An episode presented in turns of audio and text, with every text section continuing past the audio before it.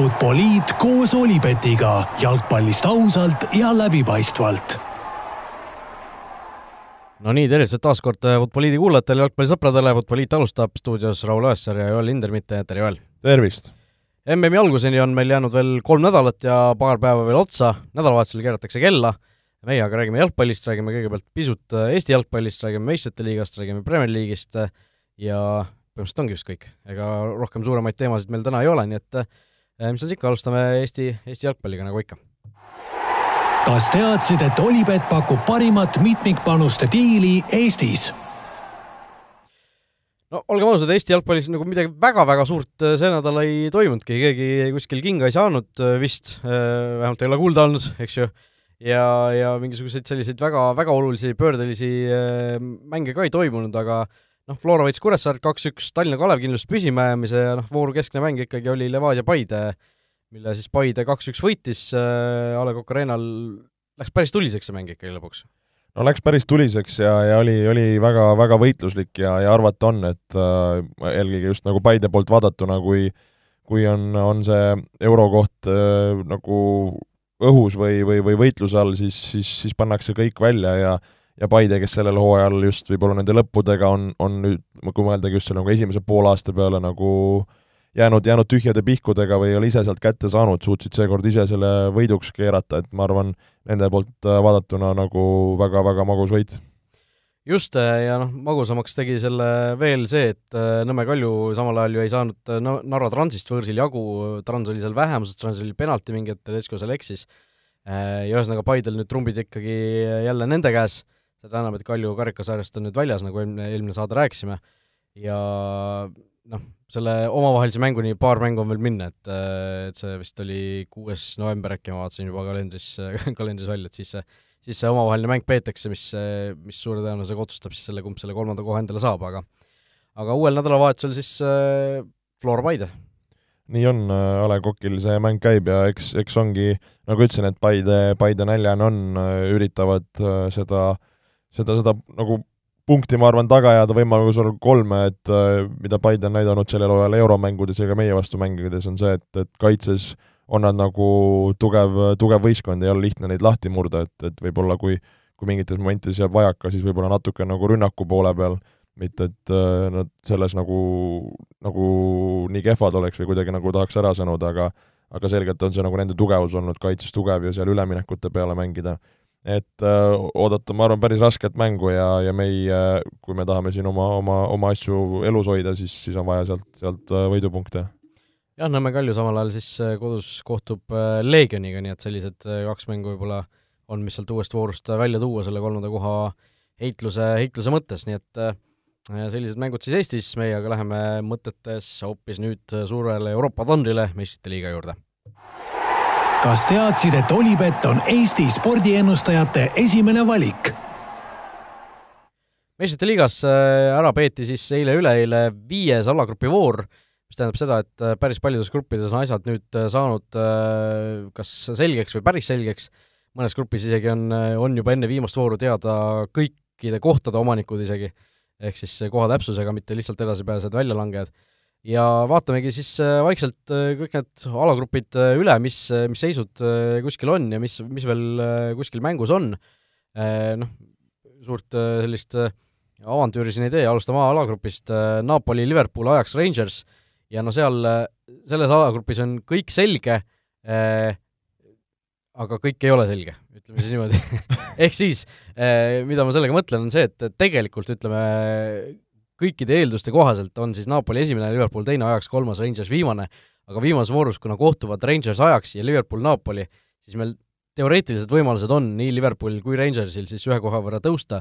aga, aga seda, selleks tuleb siis neil väga-väga suurelt võita, ehk siis äh, kui, kui Liverpool võidab Napolit, siis on Na-, Napoli-Liverpool võrdsete punktide peal, kui Rangers võidab Ajaxit, siis on nemad võrdsete punktide peal, aga kuna esimeses voorus äh, Ajax võitis Rangersit neli-null ja Napoli võitis Liverpooli neli-üks, siis, siis need võidud peavad olema ikka väga suured, et seal, seal kohtades reaalselt hakkaksid muutused toimuma, aga aga noh, Napolil viiest mängust viis võitu, endiselt lendavad lausa, ma vaatasin eile, minu uus lemmikmängija Kvaratselia ei mänginudki isegi, sai, sai seal puhkust, ja Liverpool samal ajal siis ka ju tegelikult võitis päris kindlalt Ajaxit võõrsil, et no tundub, et seal äh, läheb kõik nii nagu, nii nagu esimese vooru järel arvata oli. pigem küll jah, et ütleme, mis, mis välja tuua ongi, et, et ma arvan, Napoli kindlalt siin esimesena läheb, et, et Liverpool küll kodus Anfieldil nagu võib seal midagi korraldada, aga praeguse Napoli vastu, et neli, neli-üks, mis too esimene mäng mängiti, et sellest natuke suuremat äh, sahmakat ei, ei ootaks ja, ja eile ka Napoli seal äh,, Diego Simone poeg seal vajutas kaks tükki väga, väga head väravad ja, ja Liverpool ka alguses seal ajaks nagu ilgelt pressis ja, ja oli väga ebamugav, aga siis Liverpool suutis nagu klassi, klassi nagu maksma panna. et äh, noh, selle grupi puhul, mis ongi, eks ju, nagu oleme rääkinud Napoli puhul, et, et, et nad on nagu real deal, et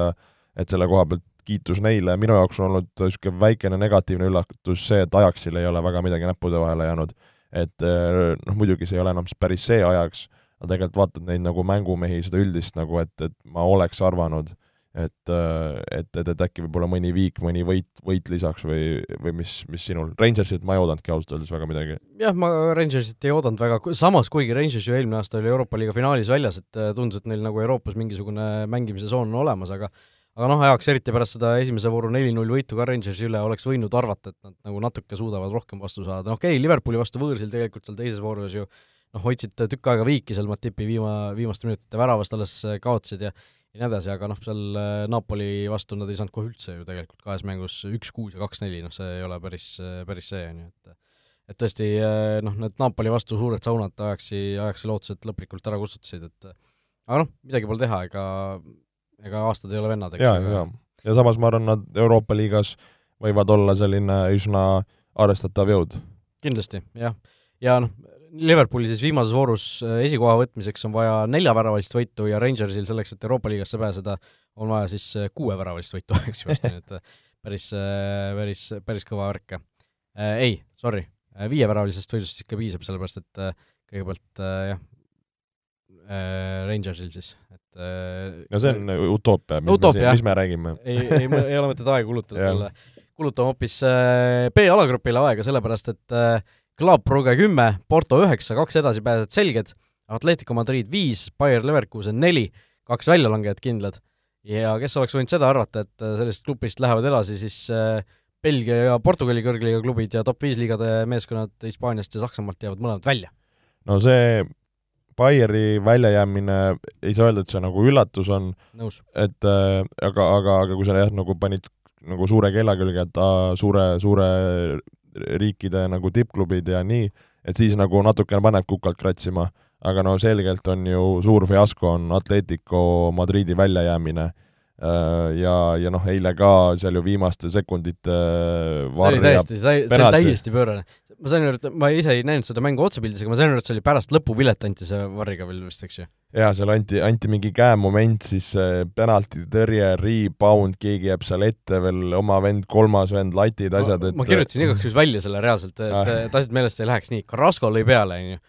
Soome koondise väravat Lukas Radetski oli väravas, tõrjus Carrasco löögi, tõrjus otse tagasi nii-öelda sinna noh, väljaku keskele, sealt tuli siis Saul Niguez, kes peaga lõi peale, lõi latti, latist põrkas pall uuesti tagasi ja siis oli veel Reinildol võimalus ja Reinildo löögile jäi Carrasco enda kand ette veel. ja, ja seal oli noh, Leverkuseni kaitsjad olid tal täiesti pöördes ke,, keegi Leverkuseni kaitsjatest läks Carrasco juurde, karjus talle lihtsalt näkku ja mingi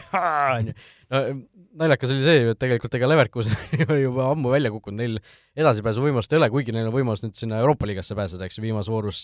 kodus Brugega, Porto samal ajal võtab kodus Atletico vastu, ehk siis kui kui seal nüüd Äh, vaatame, mis see seis on, ahah, kui jah, kui äh, Leverkusen näiteks viigi teeb, Atletico kaotab viimases mängus, ehk võrdsete punktide korral on Leverkuseni eelis isegi omavahelistes mängudes. et äh, seal tõesti Leverkusenil, ma ei tea, kui palju, kui oluline see nende jaoks on, see Euroopa liigasse pääsemine, ilmselt, ilmselt olulisem kui Atletico jaoks oleks ilmselt. no muidugi on oluline, sellest nii on raske, veider küsi-, küsida võib-olla, aga, aga nagu kui Atletico jääks ka Euroopa liigast välja, siis tegelikult on see ikka, see, on ju noh, häbi, mis häbi. et, et okei okay,, nad kindlasti tahaks mängida Champas, aga kui on valida, et kas sa mängid Muhviga või sa mängid, mängid Euroopat, et Euroopa liigat, siis et siis ma arvan, ei ole nagu küsimust, et no Atletico mänge nii Champas nähes kui veidikene ka La Ligas siin, et nagu nagu nii üles-alla on olnud see, see mäng ja ja, ja tegelikult kui vaatad nagu koosseisu, siis noh, ütleme need ju samad mehed on enam-vähem olemas, mõned, mõned nagu täiendused, et ei ole nagu halb võistkond. et äh, nagu veidikene paneb kukalt kratsima või ei pane päris nagu näppu peale, et, et milles asi. et kui sa mõtledki, nagu sa nagu provotseerivalt siin lugesid nagu selle A-grupi ette, et sul on nagu Brügge, Porto, Bayer ja sa tuled sealt nagu hetkel viie punni peal ja sa ei suuda nagu edasi pääseda, no tegelikult on ikka veider, oleme ausad no on veider, aga no me oleme Atletico puhul ka ju rääkinud tegelikult, mitu aastat on nagu oodatud seda, et äkki see Simeone efekt nagu kaob ära lõpuks või või vaju, vajub mingi hetk ära, et on ju ikka päris, päris kaua juba olnud seal Atleticus ka, et et mingil hetkel ju tavaliselt ikkagi treeneritel see parim enne ju tipus nagu läbi saab, et kui see ei ole üks just Alex Ferguson või noh, isegi Arsene Wengeril mingil hetkel ju tegelikult see game juhtus, on ju. et tõesti, noh seal äh, nägin videot, äh, kuidas Porto, kes oli ju samal päeval juba varem ära mänginud oma mängu, Äh, nemad äh, nägid siis, olid juba lennuki peale istunud ja nägid siis lennuki pealt seda mängu lõppu ja kuidas seal hakkas see pidu käima, sest neil oli ju edasipääs sellega kin-, kindlustatud, kindlustatud, kui Atletico seda mängu ei võitnud, et et see oli ka päris, päris kihvt vaatepilt, kuidas seal lennukis, noh, mängijad muidugi hüppasid, seal olid mingid täiesti vanad mingid korüfeed, ma ei tea, kes need, kes need täpselt seal olid, mingisugused noh, jah, niisugused kaheksakümneaastased mehed olid ka, noh, rahulikult väga, aga nagu noh, ikka jubeldasid, jubeldasid, ütleme nii et see, see lend võiks päris, päris lõbus tulla seal. Äh, vot, äh, läheme edasi C-alagrupi juurde, äh, mis noh, võistlus, võistluste eel tundus, et on noh, kõige kõigem alagrupp, eks ju, surmagrupp, sul on ühes grupis Bayern, sul on Barcelona, sul on Inter, sul on Pleseni Victoria ja võta näpust, asi on siis enne viimast vooru lausa nii selge, et absoluutselt kõik kohad on nüüd ka, ka matemaatiliselt selged, ehk siis kui A-alagrupis vähemalt teoreetiliselt saab konstrueerida mingeid loogikaid, mille järgi seal kohad võiksid veel vahetuda, siis siin on nüüd kõik selge, Bayern viiest viis esimene koht, Inter viiest kümme punkti teine koht, Barcelona viiest mängust neli punkti kolmas koht ja Pleseni Victoria viis kaotust, null, null punkti neljas koht. ehk siis Barcelona teist aastat järjest, teist hooaega järjest Euroopa liigas, Inter teist hooaega järjest kaheksakümnendfinaalis ja Bayern, Bayern on Bayern, nii et äh, no Barcelona sellisest äh, kehvast seisust me juba eelmises saates jõudsime rääkida, kui me meistrite liigast rääkisime, oli see isegi üle-eelmine saade, kui me meistrite liigast igatahes äh, juttu tegime, pärast seda kolm-kolm viiki Interiga, mis nende lootused noh, sisuliselt kustutas, aga nüüd, nüüd ikkagi Inter pani, pani sellele pitseri ka veel peale ja võitis siis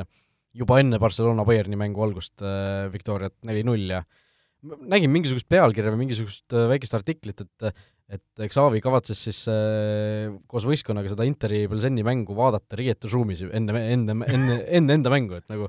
võib-olla Barcelona peab nagu sealt otsima neid põhjuseid, miks nad ise nii kehvad olid no ma arvan, et seal jah, see mäng selles suhtes sedapidi, kui, kui ka seda tehti, kaotati väga selgelt enne mängu ära kui, kui selline tsirkus seal käis, et äh, tegelikult selle, selle mängu äravaatamisega said sa teada, et sul pole mõtet seda mängu mängida. Sama, samas võib-olla kui seal Belsen oleks üllatanud, oleks, ma ei tea, võitnud selle mängu, võib-olla oleks hoopis nagu vastupidine efekt tulnud, aga nojah, seal paneb neli-null, sul on täitsa kindel, siis mõtled, okei okay,, mul tuleb Bayern külla, et äh, no sa-, samas, ega Barcelonal ju midagi kaotada ei olnudki selles suhtes, et et võib-olla Xavi nagu lootiski selle peale, et kui seal tuleb mingi üllatus, ega muu, muul viisil neil ei olekski või mingit võimalust saanud tekkida, on ju. no seda küll, jah, aga no, noh, tegelikult äh, noh, me räägime praegu siin niisugusest nagu tagajärjest või kuidas või mis, et tegelikult on samamoodi ikkagi suur fiasko, kui sa mõtled, et äh, Bayern, Bayerni Interi järel nagu noh, selgelt jäädakse, jäädakse nagu kaugele, et viisteist, kümme, neli need punktid ja, ja Barcelona, kes, kes just me ju ka rääkisime siin, et oo, et äkki nagu meistrite liigas on nagu päris hea võistkond kokku saadud. Ja, ja kui ma nagu jätkuvalt vaatan seda võistkonda äh,, nägin nende viimast äh, La Liga mängu ka kommenteeris, mis nad Bilbaoga mängisid, et nagu tegelikult ma, ma nagu, ma ei, ma, ma, kuidas ma ütlen, mul nagu raske mõista, et, et mis seal nagu nii nagu valesti on või, või kuidas need asjad ei toimi, et kas see ongi see, et see võistkond on selles suhtes äh, liiga noor nagu võistkonna mõttes, et ma ei mõtle vanuseid, vaid see, et nagu kaua on üksteisega koos mängitud ja, ja kõik see nagu see mingi harjumuste tekkimine, üksteise tunnetamine, palju on seal seda Xavi kogu seda nagu uut tulekut ja, ja, ja seda nagu tema, tema mingit võib-olla visiooni ja asju, et, et, et selles suhtes nagu noh, La Ligas ju ollakse tegelikult ju ilusti, ilusti mängus sees ja, ja mängitakse praegu nagu tiitli, tiitli peale Realiga. aga see, et nagu Champas nagu niimoodi nagu läbi põleda, on, on nagu veider, et et noh, ma arvan, ma ei tea, kas Bayerni vastu nagu võitu oodata Barcelonalt nagu noh, kodus võiks ikkagi selgemalt ju mängida võidu peale, aga et mis me, mis me neile nagu ette heita saame selle koha pealt? no ma ei tea, mina seda mängu ei näinud ise, mul lihtsalt, ma nagu kuulsin, et esimesel poolel vist Barcelona ei teinud ühtegi pealelööki et, et noh, seal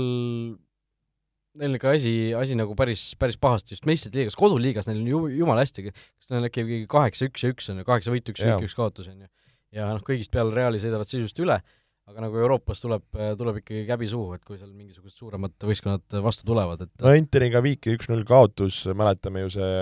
kas see oli see üks-null kaotuse mängus, oli see mingi veider käemoment? nojah, seal et, et oleks mõttes, rohkem väärinud, eks ju. jah, et seal nagu natuke mingid niisugused agad on juures, no eile, eile ka oli seal Levandovski vastu, ma ei tea, kas sa nägid seda momenti, ei näinud? Niisugune äh, päris huvitav nagu penalti moment oli nagu põhimõtteliselt Levandovski läks üks-ühele, ta nagu astus nagu kaitsjale nagu tugijalaga ette, aga ta ei jõudnud seda tugijalga maha panna, ehk see nagu tugijalg hakkas maha minema ja delikt tuli samal ajal sellele tugijalale nagu sisse ja siis tuli teise jalaga veel teise jalga sisse. põhimõtteliselt nagu jooksis tagant selga ja kohtunik määras penalti, läks Varriga vaatama ja võttis nagu penalti tagasi. ja siis ma täna nagu vaatasin ka seda ja mõtlesin, et, et kas, kas ja mis see on moment, mõnes mõttes nagu täielik kindel penalti, aga siis ma just mõtlesingi, et kuna see tugijalg ei olnud nagu veel nagu maha läinud, et võib-olla siis ei ole viga, et huvitav oleks võib-olla mingit kohtuniku nagu aspekti kuulata. aga ütleme jah, et mingid võib-olla otsused ei ole nagu kõige paremini nende jaoks läinud ja, ja, ja fakt on see, et, et on, on Euroopa liiga, mis on nagu täiesti ju ebareaalne, mis on ka rahaliselt nende jaoks ju tegelikult väga suur põnts, kui sa mõtled, kui palju neil on siin raha kulutatud, raha puudu. ja raha kulutatud selle mõttega, et me meistrite liiga siis kindlasti teenime selle tagasi. yeah., et, et selles suhtes ikkagi noh, täielik, täielik läbikukkumine ka nagu Atleticoga sarnaselt Hispaania klubide poolt. jah, protokolli vaadates väga, väga tore on näha, et endiselt teeb meistrite liiga tasemel skooriga selline mees nagu Joseph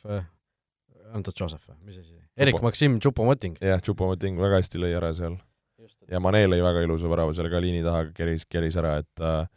et, et Tšupomoting on, on, on legend on, on, ei saa vastu vaielda. aga noh, viimases voorus Bayern Inter ja Pilsen Barcelona, aga noh, nagu öeldud, mitte midagi selles alagrupis enam mängus ei ole, nii et lihtsalt vormistamise küsimus, kuidas see asi seal ära lõpeb aga minnes edasi teie alagrupi juurde, teie alagrupp ilmselt on hoopis vastupidiselt äh, kõige põnevam alagrupp, mis, äh, mis siin äh, viimase vooru veel välja saab tuua, Tottenham kaheksa, Sporting seitse, Eintracht seitse, Marseille kuus, absoluutselt kõik meeskonnad seal suures mängus, absoluutselt kõik meeskonnad võivad veel edasi pääseda, võivad veel välja langeda, Tottenhamil on nüüd kindel, et nad äh, ei lange viimaseks, aga, aga kolmandaks nad võivad langeda. Ja noh, absoluutselt kõik, absoluutselt kõik on veel võimalik. Ja, ja seal noh, selle viimase vooru mängud olid ka päris, päris huvitavad, Eintracht kaks-üks Marseille vastu, äh, seal esimesel poolel juba tehti äh, sotid selgeks. Ja Tottenhami mäng Sportinguga oli ka ikka päris, äh, päris selline kihvt andmine lõpuks, et et seal ju see Tottenhami kunagine kasvandik Markus Edwards oli see, kes, kes kahekümne teisel minutil Sportingu juhtima viis Tottenhami staadionil väga ilusa kauglöögiga ja Tottenham noh, üritas ja punnitas ja üritas ja punnitas seal, eriti teisel poolel, lõpuks äh, Bentancuri väga huvitavast väravast äh, saadi üks-üks värav kätte, ma ei tea, kas sa nägid seda tabamust, ei näinud? Bentancuri oma? ei näinud. Äh, nurgalöök tuli, nurgalöök tuli noh, sinna viie kasti joone peale umbes ja Sportingu väravat on Antonio Adan, kes kunagi oli Realis, kes kunagi oli Atleticos, noh, niisugune, mis ta on, kolmkümmend viis umbes, nagu kogenud väravaht, läks nagu kuidagi väga pehmelt seda, seda sinna nagu käega ära lükkama ja saad aru, Bentancur hüppas peaga üle väravahi käe nagu ja, ja lükkas seal palli sisse, noh, seal väravat hüppas veel Bentancuril sisse ka, seal nõuti veel viga, aga noh, kohtunikud ka vaatasid, mis asja, et nagu Bentancur oli koha peal, hüppas üles, lõi peaga väravat, kui, kuidas tema sai vea teha, et väravat ise hüppas seal sisse ja ja väga kogenud väravalt ikkagi täielik, täielik black. ja noh, see, mis toimus seal mängu lõpus, oli muidugi noh, võrreldav muidugi selle Atletico draamaga, et viis üleminutit anti kellapäev oli üheksakümmend neli viiskümmend, kui Harry Kane lõi, lõi Tottenhami kaks-üks värava, eh, noh, tõesti täiesti pandemoonium muidugi, Conte seal hüppab edasi-tagasi, kellele sülle seal kogu Tottenhami võistkond, pink, kõik jookseb kokku seal tähistama. ja siis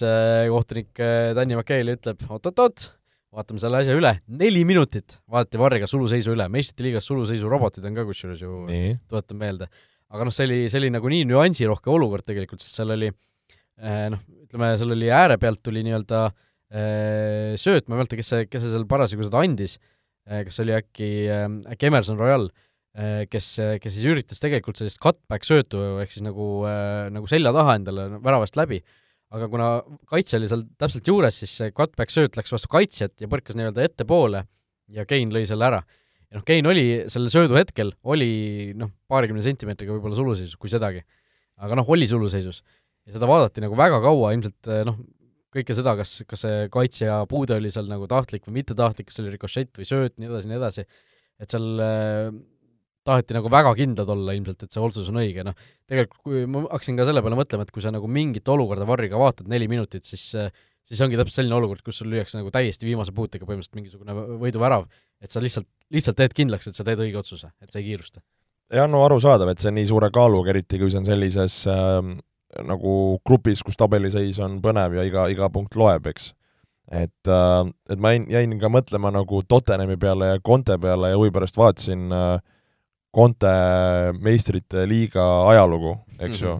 see on tegelikult, on, on košmaar, aga see on košmaar, ma lihtsalt praegu võtan need numbrid ette, ta, see on kolmkümmend üheksa mängu. mis sa arvad, mitu võitu tal on? kolmekümne üheksa neliteist võitu. mitu viiki? no kümme. siin läheb, numbrid lähevad päris ägedalt, ehk siis neliteist võitu, kolmteist viiki, kaksteist kaotust uh. -huh ehk nagu ja ta, noh, ta ei ole ju nõrkade tiimi. ta ei ole nõrkade tiimi, siin on Juve, siin on Chelsea, siin on äh, Tottenham. Interiga ka vist. eks ju, jah. et äh, sul on nagu selgelt alla poole, et see on, see on nagu päris äh,, päris valus äh,, valus nagu saldo, mida, mida omada, ütlen ausalt. no Tottenhamiga ka, ega see grupp ei ole nõrk otseselt, aga noh, sul on Tottenham ja sul on Lissaboni Sporting, Eintracht ja Marseille, kolm, kolm tiimi, kellest sul noh, eelarve on ma ei tea, kaks korda suurem kõikidest, et eh, ja nende vastu ka viiest mängust kaks võitu, kaks viiki, üks kaotus, et noh, suur, suhteliselt sarnase selline muster, eh, muster jah, et äh, ikkagi ei suuda nagu ennast, ennast peale suruda või enda mängu peale suruda, et millegipärast see Conte selline suhtumine meistrite liigasse või kuidagi on väga liiga aupaklik võib-olla isegi. ei tea jah, et no nagu tõesti, et oleks see, et vaata, et sa mängidki, oled terve elu Tottenhamiga, mängid meistrite liigat, siis on see kuidagi nagu arvestatav, aga tõesti, sul on olnud nagu suured tugevad tiimid et, et millest me nagu räägime. Juventus oli ju tõesti meistriliiga soosik juba yeah. aastaid, on ju. Aga noh, kokkuvõttes värav siis tühistati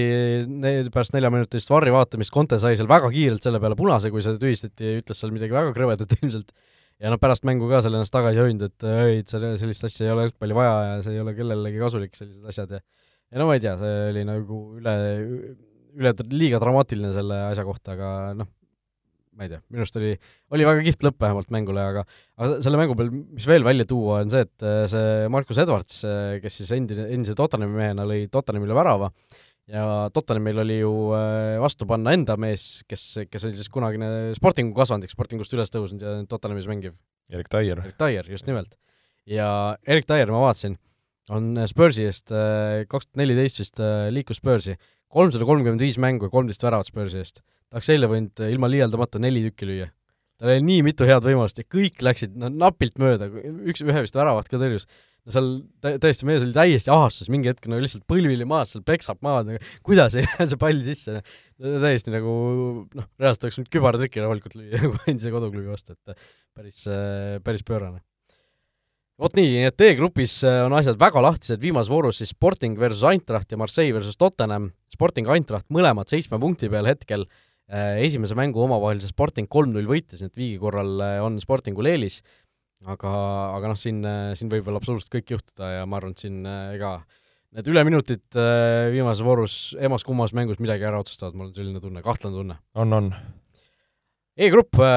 seal ka noh, natuke on veel asjad lahtised, aga suures plaanis sai selgeks see, et Chelsea on edasi ja Dinamo Zagreb on väljas Äh, Chelsea siis kümme punkti, äh, Milanil teise kohana seitse, Red Bull, Red Bull Salzburg kuus ja Zagreb Dinamo on neli punkti. ehk siis äh, Chelsea on nüüd jalad alla saanud meistrite liigas ka, mäletame ju, Chelsea alustas, alustas seal kaotuse ja viigiga kõigepealt, et korra rääkisime ka, et kas on, kas on nagu põhjust muretsemiseks, leidsime, et ei ole ja noh, tuleb välja, et ei olnud ka, on ju jah, mis sellest mängust võib-olla ka välja tuua, on Averts oli, oli ikka väga korraliku maasika sinna vasakuga ka keerutanud, et jah, äh, Chelsea võitis siis võõrsil Salzburgi kaks-üks. jah, et, äh, et selles suhtes, kui mõeldagi nagu Potteri tuleku peale, siis, siis nagu eh, mis me oleme ka rääkinud siin Premis, et, et mõnes mõttes on nagu need tulemused äh, ära tulnud, on päris palju nagu roteerinud mängijaid seal nagu positsioonide mõttes kui ka nagu üldise sellise rotatsiooni mõttes, et, et värskuse mõttes et, äh, et selles suhtes nagu ei, ei saaks nagu väga kurta, et et ei, ei tea, kuidas võib-olla Chelsea tulingilased fännid siia päris nagu suhtuvad sellesse, aga, aga, aga, aga raske nagu midagi ette heita või, või kuidas sa nagu seda Chelsea puhul näed? jah, kokkuvõttes kui tulemused tulevad, seega ja ega tuleb ju kokkuvõttes ikkagi rahule jääda, et et noh, see edasipääs on kindel, see ei ole lihtne grupp, seda me alguses ka rääkisime kindlasti, kui see hooaja algus oli siin, et et ei ole päris selline grupp, kus sa jalutad läbi, et noh, kui sa sealt ikkagi lõpuks enne viimast vooru oled edasipääsu kindlustanud, siis on, siis on asjad suures plaanis korras. viimases voorus Chelsea kodus ka Zagrebi Dinamoga, ehk siis ehk siis alagrupi võit tundub ka praegu ikkagi väga, väga, väga reaalne. aga Milani ja Salzburgi mäng viimases voorus siis äh, otsustab selle teise koha saatuse, et Milan hetkel siis ühe punktiga eespool ja Salzburgil siis vaja võõrsil võita, kui tahavad, tahavad ise teiste hooaega järjest sinna kuueteist sekka pääseda aga Milanil siis jah on... no kodus Milan ikka tahaks öelda tugev, tugev favoriit eh, eelmise aasta ju, ju Itaalia meister, et kui kodus Salzburgile, seal ju piisab ka neil viigist, et, et, et nagu edasi minna, et kui peaksid nagu ära käkkima, siis on küll Milani poolt vaadatuna nagu pigem paha lugu. just, Milanil seal eh, kuuldavasti see Rafael Leo on väga heasse hoogu tõusnud, et et Portugali koondisel ka üks väga oluline mees, mees seal suures, suures mängus juures, eriti arvestades seda, et Jogo Sota ju MM-ist jääb nüüd kõrvale.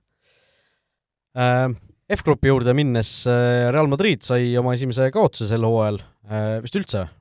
ega koduliigas ka ju ei olnud saanud.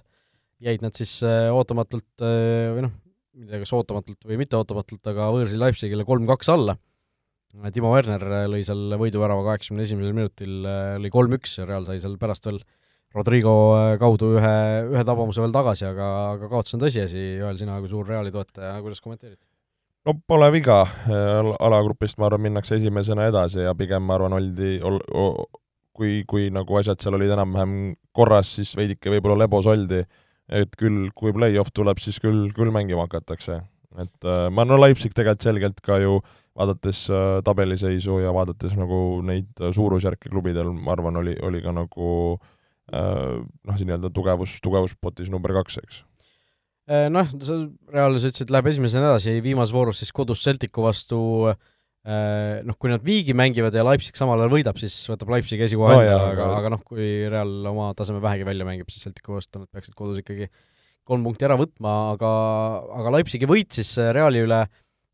tõstis nad siis teise koha mängus selgelt soosikuks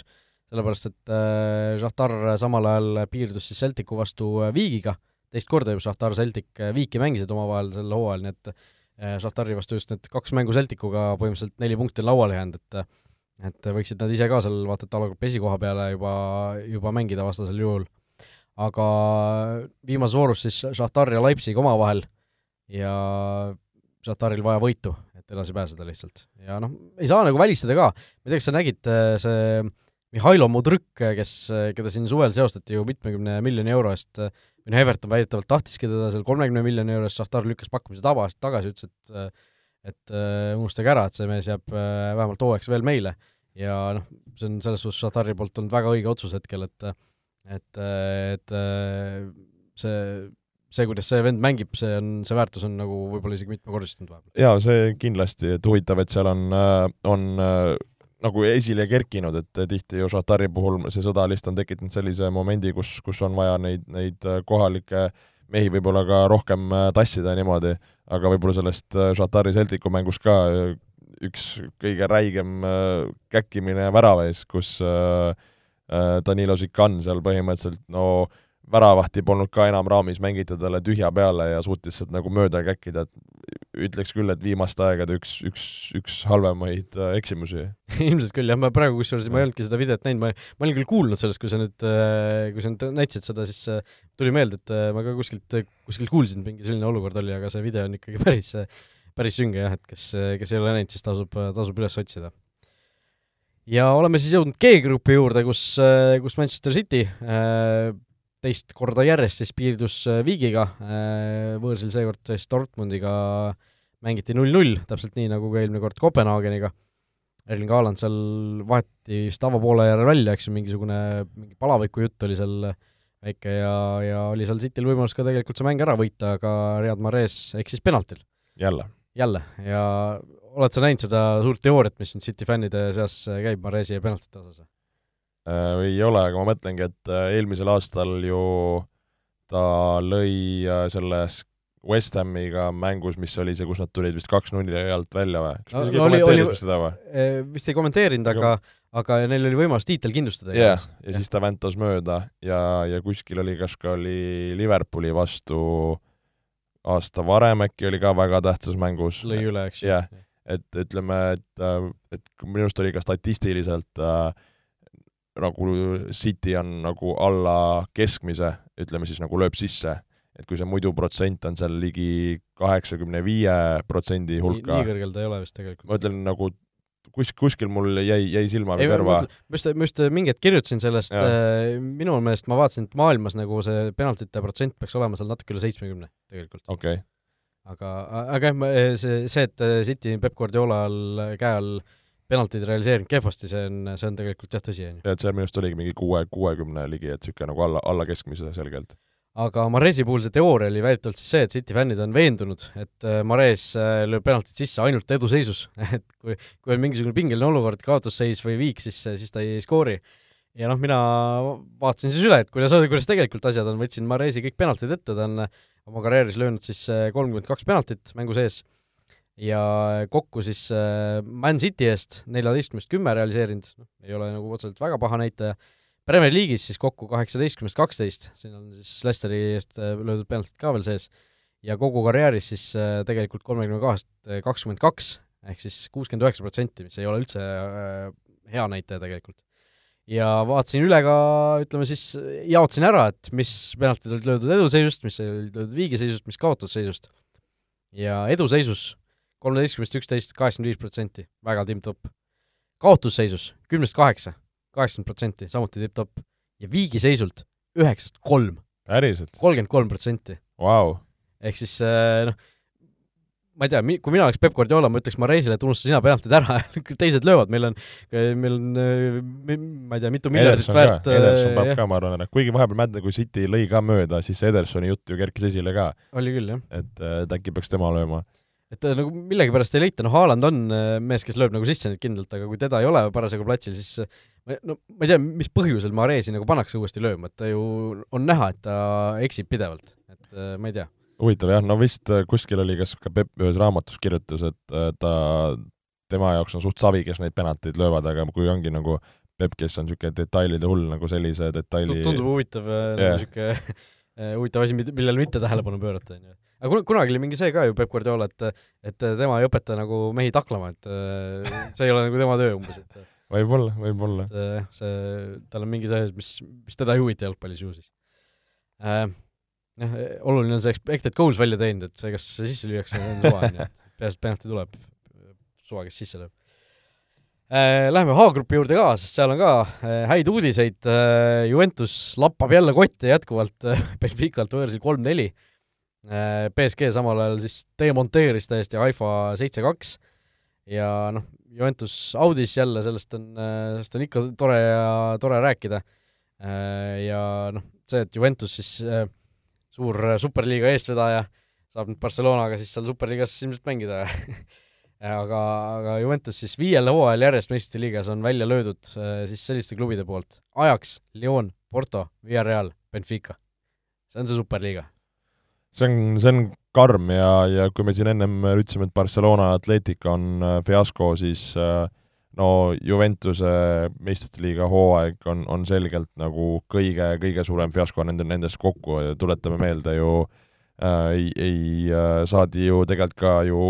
ju Haifalt äh, kaks-null lutti võõrsil, et see, see võtab nagu selle asja,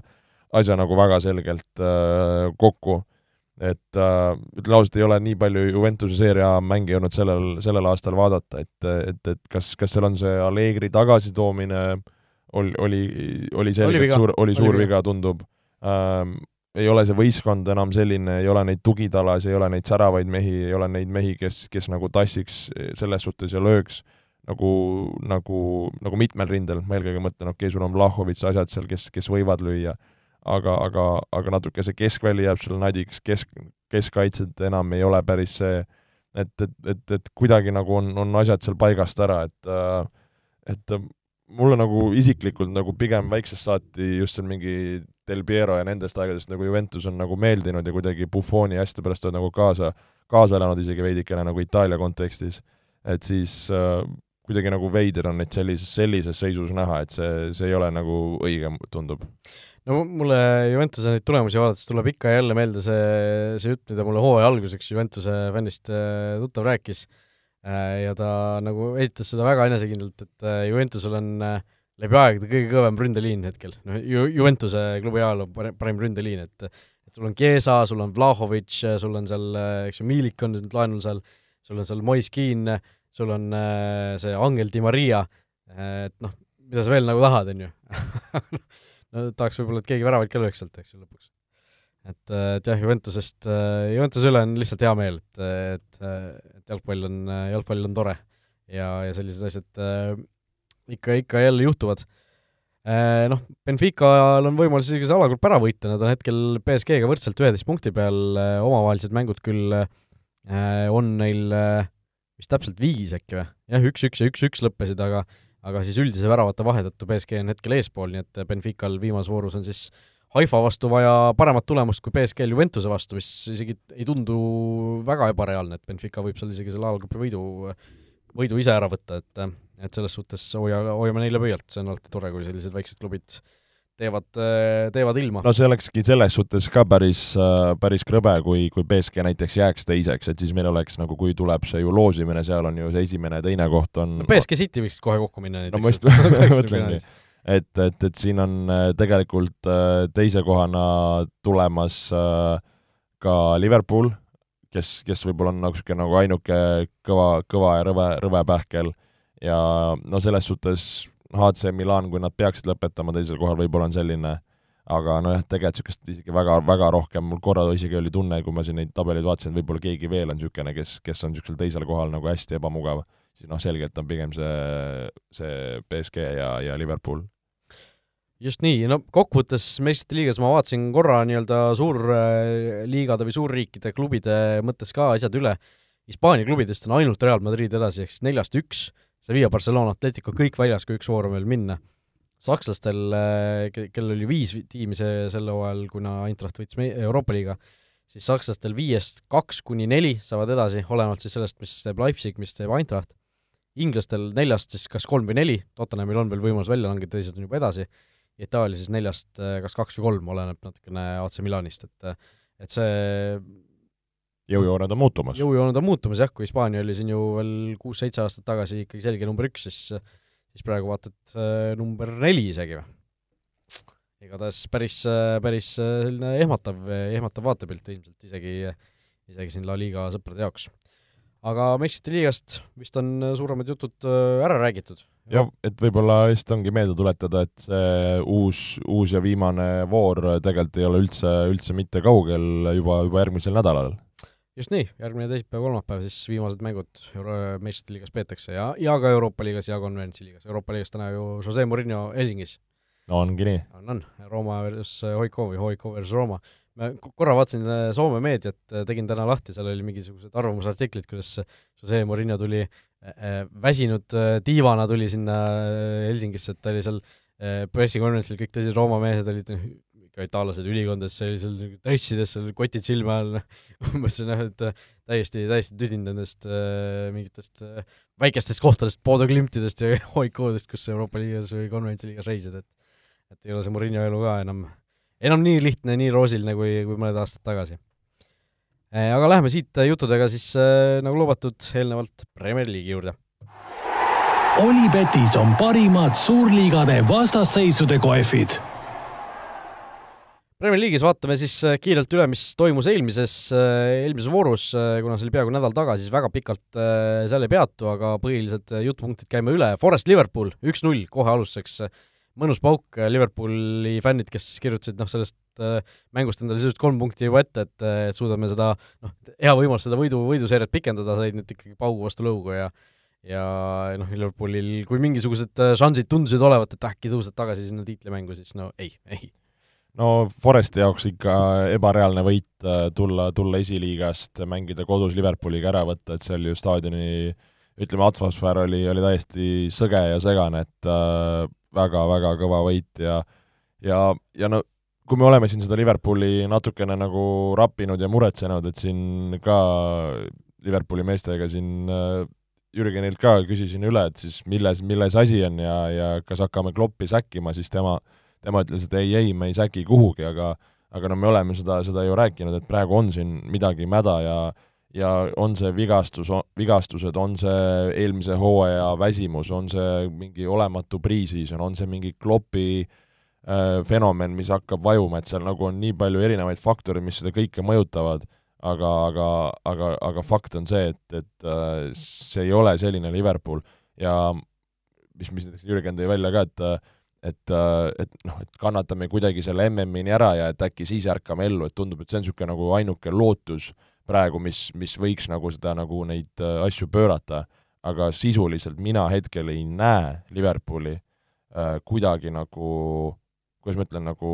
mis siis nagu taaselustumas või nagu kuidagi seda suunda muutmas, et äh, kui, kui nagu karmilt või süngalt sina nagu Liverpooli seda nagu hetkeseisu näed? No ma arvan, et neil tuleb selline vahehooaeg, nagu neil tuli paar aastat tagasi, kui siin vigastustega oli, et, et see, need märgid on suhteliselt sarnased ja noh, võib-olla vahehooaeg on selles suhtes veel hästi olnud, et eh, noh, küsimus on see, et kas nad suudavad nüüd järgmisel hooajal näiteks ikkagi uuesti nullist alustades äh, seda tiitlitempot ja sellist suurt mängu äh, nii-öelda sinna tagasi tulla. et nad eelmine kord seda suutsid, kas nüüd, kui neil ei ole tegelikult selliseid probleeme, nagu toona oli, noh, me oleme sellest rääkinud ka siin saates mitu korda, eks ju, et et see kaks tuhat, mis ta siis oli, noh, pärast seda, kui need tiitli võitsid, eks ju, kaks tuhat kakskümmend, kakskümmend üks oli see hooaeg mis neil läks ju täiesti aia taha, nad viimasel hetkel murdsid ennast sinna esinelikusse sisse, pääsesid meistrite liigasse, jõudsid seal finaali, aga, aga see kogu hooaeg tegelikult oli ikkagi selgelt äh, selline vahehooaeg, äh, mitmete vigastused, mitmete vigastuste tõttu, seekord neid vigastusi ju tegelikult ei ole, neid vabandusi ei ole tegelikult. no seal on, eks ju, üksikute mängijate niisugused minivigastused, vormikaotused, et, et see ei ole nagu nii drastiline võib-olla oli varem, et nagu noh, hooaja algus oli tegelikult siin natuke nagu raskem et natukene saab selle taha pugeda, aga mitte võib-olla nagu nii jõuliselt. ja noh, kui nagu mõelda Liverpooli peale, et siis nagu lihtsalt, et kuidagi kannatada see hooaeg ära ja oluline lõpetada see nagu esinelikus, et nagu praegu tunduks, et, et võtta lihtsalt reaalselt niisugune suund juba nii varakult hooaja kätte. Üks asi, mis ma mõtlesin, tegelikult on mängitud kolmteist vooru, see põhimõtteliselt juba noh, üks no,, üks kolmandik, eks ole. tegelikult on üksteist, kaksteist mängu, eks ju, mängitud yeah., kuna seal mõned lükati edasi. jah yeah., aga no ütleme, niisugune üks kolmandik tegelikult juba hooajast mängitud, mis on nagu päris äh, ju suur osa mõnes mõttes jah, peaaegu, et, et tõesti see noh, jõujooned on selgelt ja, juba välja joonistatud, sa ei, sa ei saa enam rääkida sellest, et ah, et hooaja algus, et ja, äh, paar vooru siis sinna. jah, et äh, noh, Liverpool, kui vaatame tabelisse otsa, siis Arsenalist liidrist maas äh, kaksteist punkti, Man Cityst kümme punkti, et noh, see on selline vahe, mida sa nagu naljalt ei tee tagasi, muidugi sama me rääkisime ilmselt ka eelmine talv, kui mis see vahe oli vahepeal ikka ka üle ka minu arust oli ka niisugune kaksteist, neliteist, midagi taolist, ikka jah, et samas mine tea, et kui seda, seda vaadata, siis aga noh, see eelmine, eelmise hooaja Liverpooli hooaja algus ei olnud ju nii, nii nii-öelda nukker või nii kehv, nagu praegu paistab olevat või nii ebastabiilne, on ju. et aga ja noh, lisaks on veel see, et lisaks Cityle on siin ka Arsenal suures mängus sees, noh, Tottenhami ma ei arvestaks tiitlimängu, aga aga Arsenal on ka näidanud, et nad suudavad seal väga suurt mängu mängida endiselt ja noh, nagu sa ütlesid ka, enam ei ole ainult hooaja algus, et siin on peaaegu kolmandik hooajast mängitud, et see ei ole enam juhus, et Arsenal nagu nii kõrgel, kõrgel seal tabelis, tabelis on. vot, kiiresti pidime rääkima, nüüd rääkisime Liverpoolist siin äh, viis minutit järjest. City võitis Brightonit kolm-üks, äh, Erling Haaland jõudis siis seitsmeteistkümne Premier League'i väravani, ehk siis täpselt poole peal, et jõuda Premier League'i rekordini, mis on kolmkümmend neli väravat. Andy Cole ja Alan Shearer äh, jõudsid siis selleni veel tol ajal, kui oli nelikümmend kaks mängu hooajal. Äh, noh, päris sünge, äh, meil on alla kolmandiku mängitud hooajast ja tüüp on juba poole peal. Southampton Arsenal üks-üks, ehk siis Arsenali esimene punktikaotus mängudes väljaspool Manchester Unitedit. Ja noh, vooru kaks sellist suuremat mängu, Chelsea United üks-üks, minu jaoks oli see puhas viigimäng, noh, tundus, et jääb null-null ja siis ma olin ikka väga pettunud, kui see penalti sealt tuli, Jorginho selle sisse lõi tundus juba, et läheb Chelsea'le kõik kolm punkti, aga noh, siis lõpus Casemiro pealöök äh, päästis. päästis täiesti Unitedi jaoks selle päeva, üks-üks okei okay tulemus ja lähme edasi. kui ma ei eksi, kas see on vist ka kõige rohkem viiki mängitud Premier League'i siis äh, vastasseis või kuidas täpselt nii jah, et äh, kõige rohkem viike siis Chelsea ja Unitedi vahel. et äh, no praegu, mis tegelikult sellel hooajal ongi, kui mõelda näiteks nende Tottenhami mängude peale, kus on mõned mängud tulnud nagu viigid, asjad, et nagu sa ütlesidki, et niisugune kuidagi see nagu viik on, on sisse kirjutatud, et kumbki ei äh, ei suuda olla nagu selgelt teisest üle, et see, ma arvan, on ka natuke nagu jõujoonte näitamine, samas noh, ütleme see koduvõõrsil mängimine ja seal nende punktide võtmine või mittevõtmine on nagu päris, päris nagu tundlik, et äh, et, et, et, et, et kui just mõeldagi, et sa tahaksid mängida nagu selle nagu top nelja peale väga selgelt, siis, siis sul on vaja kui me räägime nagu Unitedi poolest nagu võõrsivõistkonnast, siis see üks punkt on okei okay,, aga koduvõistkonna, kui sa tahad nagu suuri asju teha, siis sellised mängud sa pead, pead nagu kolme punktiga tulema. et eriti nagu Premier League'is, kus need vahed on nagu nii, nii täpsed ja, ja nii väiksed, et äh, nagu Chelsea poolt vaadatuna ma ütleks võib-olla noh, selle koha pealt veidike pettumus või, või, või mis äh,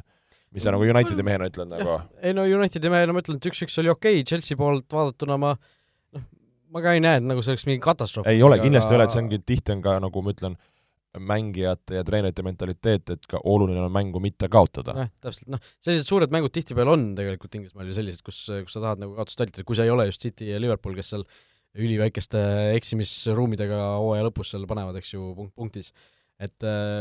et sellised mängud on, ma arvan, väga okei okay,, kui need jäävad viiki, noh, mis veel selle mängu puhul välja tuua, no see Casemiro, Eriksen, Fernandes keskvälja kolmik Unitedil, see on nagu päris asi juba ju tegelikult. jaa, see, see on, see on päris hästi käima läinud äh,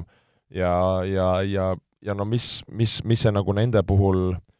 kui sa mõtledki ühe nagu keskvälja peale, siis nagu paberi peal, noh, see alati ei pruugi nagu toimida, sul ongi nagu kõik asjad seal koos, sul on see niisugune patrulliv number nagu kuus,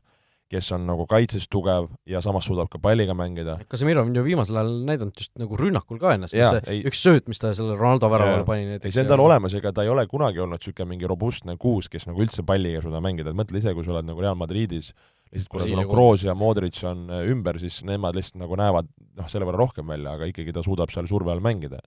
aga kui tulla tagasi selle juurde, siis sul ongi Eriksen, kes ongi niisugune nagu veits niisugune nagu hübriid, hübriid äh, keskväljamängija, kes, kes ongi niisugune natukene nagu niisugune äh, nagu liim seal, kes, kes nagu tõmbab neid niite ja on niisugune mingit mõttes nagu dirigent ja on seal nagu üleval, allpool, mis ongi sellel aastal, mida ta on ka varasemalt mänginud, et ta mängibki rohkem nagu selle nagu kaheksa koha peal. see on nagu natuke võrdlus Kostja Vassiljevega. veidi, veidi, ma, ma täitsa, täitsa tooks ka selle hooaja kontekstis just see nagu see positsiooni mõt-, koht ja kuidas seda mängu nagu juhtida. ja siis sul ongi nagu puhtalt kümne peal nagu Fernandes, kes siis ongi sinna nagu äh, pigem nagu ründeliini ja kõik see, et see nagu loogilises mõttes see nagu, nagu toimib, et äh, mis ongi tihti Unitedi mure olnud, et nad on mänginud liiga nagu kaitsvate poolikutega, kui sul on näiteks, ma ei tea, McDominay, Fred, siis sul jääb natuke pallist puudu või siis ei tule need pallid sinna kümnetel, et see, see, see nagu, see just see keskvälja sümbioos ja see mängijate nagu äh, taju on nagu hästi oluline ja mõnes mõttes nagu äh, nagu isegi nagu tähtsam vahest, kui see nagu välja tundub, saad aru, et sul just seesama, see, et see, see keskväli nagu toimiks. et see, et sul ongi täpselt need õiged tüübid, nad teavad, kuidas üksteisega mängida ja siis see mäng on ka nagu võistkondlikult parem. et, et, et jalgpall on niisugustes nagu pisikestes äh, detailides nagu kinni. jah, no mina ise pean oma sõnu sööma, sellepärast et kui Erikson tuli siin suvel, siis ma ju mäletan siinsamas laua taga kritiseerin seda toomist päris tugevalt, et et ma, ma ei saanud nagu aru, mis selle asja point on ma ei näinud, et Erikson ja Fernandes mahuksid koos väljakule ära eh, ja ma ei näinud, et Erikson aitaks kuidagi nagu United mingisugusele järgmisele levelile viia, aga tegelikult noh, kõik, kõikides punktides ma olen ju kokkuvõttes mööda pannud, praegu tundub niimoodi vähemalt. no mina minu arust isegi ütlesin, et Eriksonist tuleb, tuleb mängumees. korra, kui ma jäin nendest äh, viikide peale mõtlema, siis ma vaatasin ka, mis on nagu viimasel ajal just Chelsea United teinud, et tegelikult äh, Chelsea just ju viik äh, Brentfordiga null-null ja nüüd äh, viik äh, Manuga ja Manu tegelikult ju ka viimasest kolmest mängust kaks viiki, lihtsalt vahepeal äh, võideti see Tottenhami, kus noh, Tottenham oli ise täiesti nagu ribadeks. et, et see ka natukene nagu näitab seda, et kui vaadates ka nagu tabelisse, et seal ollakse ikkagi nagu väga-väga tihedalt koos ja, ja pigem ongi see, et mitte, mitte nagu kaotada. nojah, Unitedil kolm mängu, eks ju, äh, Newcastle, Tottenham, Chelsea sai seal ühtegi kaotust, äh, jumala okei okay,, eriti arvestades neid viimaseid hooaegasid, et et samm, samm paremuse poole no see Casemiro pealöök, sellest võime ka natuke rääkida, see oli noh, täiesti suurepärane sooritus, Kepa ju ülinapilt jäi puudu ikka, no sisuliselt napimalt ei oleks saanud puudu olla, et ta et oleks selle ära tõrjunud, äh, lükkas näppudega posti, postist põrkas sinna väravajoone peale ja noh, väravajoone tehnoloogia luges selle väravaks, hiljem nägime, noh, see mingi millimeetri jagu oli seal üle joone. no mina neid kaamerapilte vaatasin nagu seal mitu korda ja kui ma oleks Chelsea fänn olnud, ma oleks ikka väga marus olnud, sest mulle, mulle tundus reaalselt, et see pall ei käinud üle joone. ma, mina ka ei, nagu ei näinud või ei olnud niisugust hetke, et ütled davai, pall on väravas.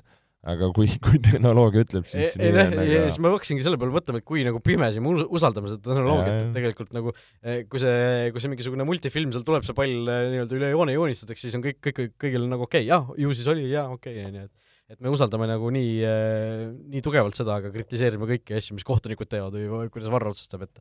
et see nagu tundus natuke naljakas selles olukorras, et no reaalselt selle kaamera pildi pealt tundus, et see pall oli ikkagi seal joone peal, aga no ei olnud nagu sellist kõige ideaalsemat nurka ka võib-olla kogu aeg et, äh, et jah, väga, väga huvitav, äh, huvitav olukord. Tottenham Newcastle üks-kaks, Miguel Almiron on fire, on minu äh, märkmed selle, selle mängu kohta, et et tõesti, Almironil kuues värav vist juba sel hooajal ja Newcastle on, on tee nagu Eddie Howe on mingis mõttes noh, mitte sitast saia teinud, aga, aga ikkagi no, olemas, olemasolevatest vahenditest on ka ikkagi maksimumi välja pigistanud, et Almiron ei olnud ju seal Newcastle'i mingisugune suure rahatäiendus, vaid on seal võistkonnas juba tükk aega mänginud, et et äh, päris, äh, päris võimsat hooaega teeb Paraguay mees ja noh, kõik need äh, mäletad eelmine tiitli, tiitlipidustus Man Cityl, kus seal Jack Grealish äh, täiesti tühja koha pealt umbes pani Almironile puid alla, kas ta, kas ütles midagi, et see lause oli, et mängid... võtke Marez maha, ta mängib nagu Almiron oli lause, selline lause. ja siis ongi kuskil jooksis ka statistika, et pärast seda lauset Almironil on sama palju väravaid kui Jack Grealishil mänge, niipidi oli vist Premier League'is või? vist ka nii, mis sa mõtled nüüd nagu City ees sellel hooajal või? jah, jah. ja minu arust ka Grealishil äkki ainult üks värav, et põhimõtteliselt noh, täiesti kaks, kaks äärmust, et äh, tuleb, tuleb äh, ettevaatlik olla, mis, mis suust välja purskada. Aga Newcastle jälle kordselt näitas, et äh, nad on ikkagi suur punt, noh. me varsti peame hakkama rääkima juba suurest seitsmest. ja see on päris naljakas mõelda, et praegu vaatadki Newcastle neljandal kohal, aga nagu ütlesin, et need vahed on, on väiksed, et siin tuleb äh, Tote kakskümmend kolm, Newcastle kakskümmend üks, Chelsea kakskümmend üks, Manu kakskümmend, siis ongi Fulham kaheksateist, Liverpool kuusteist, et noh, ütleme ühe, ühe võiduga, nagu ma ütlesingi, see mitte mänge kaotada, et ühe võiduga tegelikult sa, sa, sa teed väga selgelt nagu suured sammud edasi ja, ja vaatad kohe rõõmsamalt, aga, aga, aga kui tulla nagu Newcastle'i juurde, et, et tõesti äh, kõigest, kõigest äh, üks, üks kaotus Newcastle'il sellel hooajal ja see on Liverpooli vastu kaks-üks et äh, see on ka jälle, jälle näitab nagu mõnes mõttes klassi. näitab, näitab ja noh, Tottenhamil see teine kaotus järjest, äh, peaaegu oleks kolmas ka tulnud seal meistrite liigas või noh, ei saa vist öelda peaaegu, tegelikult peaaegu oleks nad mängu võitnud, aga aga tõesti, Tottenhamil ka nüüd asjad natukene kehvasti on, kehvemini on läinud, aga noh, tabelis endiselt kolmas koht ei saa nagu väga nuriseda. No mis veel Premier League'ist rääkida, saab rääkida seda, et Aston Villa siis äh, vallandas äh, Steven Gerrardi, äh, tõi uueks peatreeneriks asemele siis Unai Emeri Villarealist, nii et good evening tagasi Good evening! Good evening tagasi Premier League'is. Ja siin on muidugi välja toodud ka, et et Unai Emeri on siis juhendanud David Villat, on juhendanud Sevillat, Villareali ja nüüd siis Aston Villat, et mina mõtlesin kohe, et kas järgmine on siis Eesti kolmas liiga ja Eston Villa, et rohkem nagu selliseid villa nimedega eh, võistkondi maailmas vist ei ole väga tipptasemel, et villa saatejuhiks. jah, et Lemmik telesarja ka vist juba teame, et et päris, päris huvitav tõmme ja no muidugi näitab seda, milline see Premier League'i selline gravitatsioon on, kuidas sa tood ikkagi Hispaania sellisest noh, peaaegu tipptiimist tood võistkonna, võistkonnale peatreeneri Premier League'i tagumise otsa punti.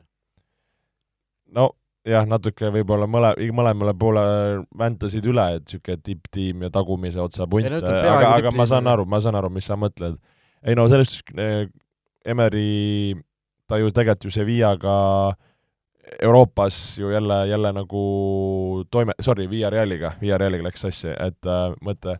et, äh, et ka Villarealiga ju to-, toodi ju karikas ära, eks ju. Et äh, Manu vastu sama ju see kuulukus penaltiseeria äh, et ta on näidanud, et ta on nagu Euroopas mängu teinud Arsenal meistrite liigas pandi ka ju uhke, uhke yeah, kokku. yeah.. et, et selles suhtes äh, seal ta nagu pani, pani asja käima ähm,, mis ma arvan, ongi nagu, kui sa ütlesidki, et mis see gravitatsioon või see tõmme nagu treeneritel ongi, et eks, eks tal Arsenalis no ei läinud kõige paremini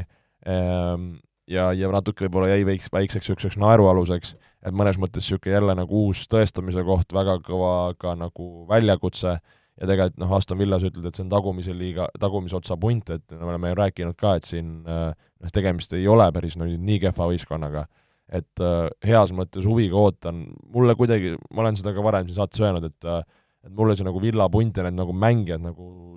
tunduvad nagu põnevad ja nendega võiks nagu head jalkat mängida küll. et tegelikult ju see eelmise vooru see neli-null võit Brentfordi üle, noh, oligi niisugune veits nagu ahelatest vabanemine või, või kuidagi nagu näidati, et suudetakse nagu väravaid lüüa. et nagu tahaks arvata, et see Aston Villa nagu see vormikõver või see märk nagu läheb selgelt rohelisse ja nagu ülespoole, on kuidagi minu naiivne lootus, ma ei tea, kas see nii kerge kohe on, aga aga kuidagi nii, nii ma tunnen. Vot jah, igatahes äh, Unai Emeri ja Aston Villa esimene mäng siis, äh, Aston Villa peatreenerina peaks siis olema juba sel nädalavahetusel ja ja seda siis võõrsil Newcastli vastu, et mitte üldse lihtne, lihtne mäng. uuest voorust veel äh, noh, tipptiimide võistkonnad või tipptiimide mängud välja tuua, Leicester, Man City, Bournemouth, Tottenham, Brighton, Chelsea, suur Potteri derbi, Graham Potter endisele koduklubile külla, Liverpool, Leeds, Arsenal, Nottingham ja Manchester United, West Ham, ehk siis ühtlasi ühtegi väga suurt mängu justkui ei olegi, et, et mitu sellist poolhuvitavat väiksemat, aga, aga tõesti sellist suurt lahingut sellesse vooru jah, aga samas ei, vahest need isegi on kõige need ägedamad äh, jah, voorud. üks, üks voor ju just ja. sel ajal juba arutasime, et täpselt samamoodi, et et ja siis juhtus ikka väga palju äh,. Lähme korra vaatame üle siis ka Fantasy jutud. Olipetis on parimad suurliigade vastasseisude kohvid ja Olipetis on ka parimad suurliigade fantasy turniirid, et kui sellest reklaamist nüüd siin edasi minna, siis eh, tuleta meelde, et Premier League, La Liga, Serie A, meistrite liiga, Euroopa liiga, Eesti Premiumi liiga,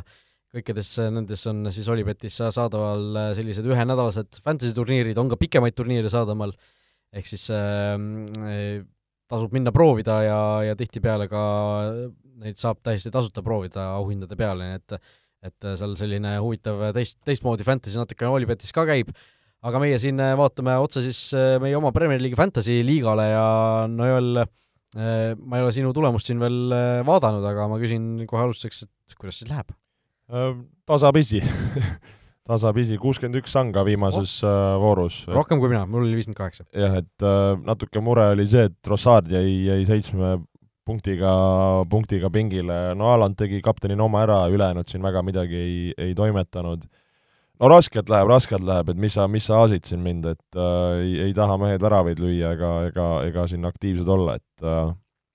ootame, ootame paremaid päevi. nojah, ma, kui sa ütlesid, sul jäi kaheksa punkti pingi peale, siis mul, mul jäid pingi peale nii Andres Pereira kui Neko Williams, kes siis vastavalt teenisid kümme ja kuus punkti, et äh, mul oli see väga valus, et Pereira on mul no reaalselt niimoodi, et ta mul hooaja alguses sees olnud ja iga kord, kui ta teeb midagi, siis ta mul pingil, noh. Ma ka vahepeal viisin ta välja, siis mulle tundus, et ta, et ta ei tee muhvigi, siis ma tõin ta tagasi, nüüd ta mul viimane mäng õnneks oli nagu põhis. et äh, mul olin siin, tõin üks hetk Rashfordi sisse, rääkisin ka, ta siin ju viimases kahes mängus on jätnud räigelt löömata ja, ja ka Chelsea vastu tegelikult tal oli, oli päris head šansid, et sellel mehel on eeldus peal, et selle, temast ma pean vist küll lahti saama jah, Neko Williams oli ka mul Liverpooliga mäng Nottinghamil, see oli esimene mees, kes mul nagu kõige viimaseks sinna pingile läks, et äh, aga noh, tuleb välja, et nullimäng tuli, tuli ja, ja noh, väravavahtidest mulle endiselt meeldib see, et äh, ma olen Danny Wardi usaldanud hooaja algusest peale läbi raskuste seal saarel üksikult vahepeal olnud seal täiesti. Ja, ja enda, endiselt mul võistkonnas sees ja usaldasin enne Nick Pope'i mitmendat vooru juba järjest väravasse ja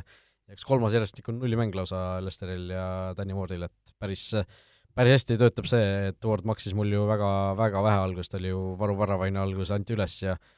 ja mis ta on siis, ne-, neli koma null oli algushind, praegu on neli, nelja koma ühe peale isegi tõusnud, nii et et äh, hakkab, hakkab see hind tõusma vaikselt, tulge hüppake veel peale, kes saab äh,. Haaland muideks on ju nüüd äh, väikse küsimärgi all tema osalus, et kas, kas mängib või mitte pärast seda, kui seal meistrite liigas ka avapoole järel välja vahetati.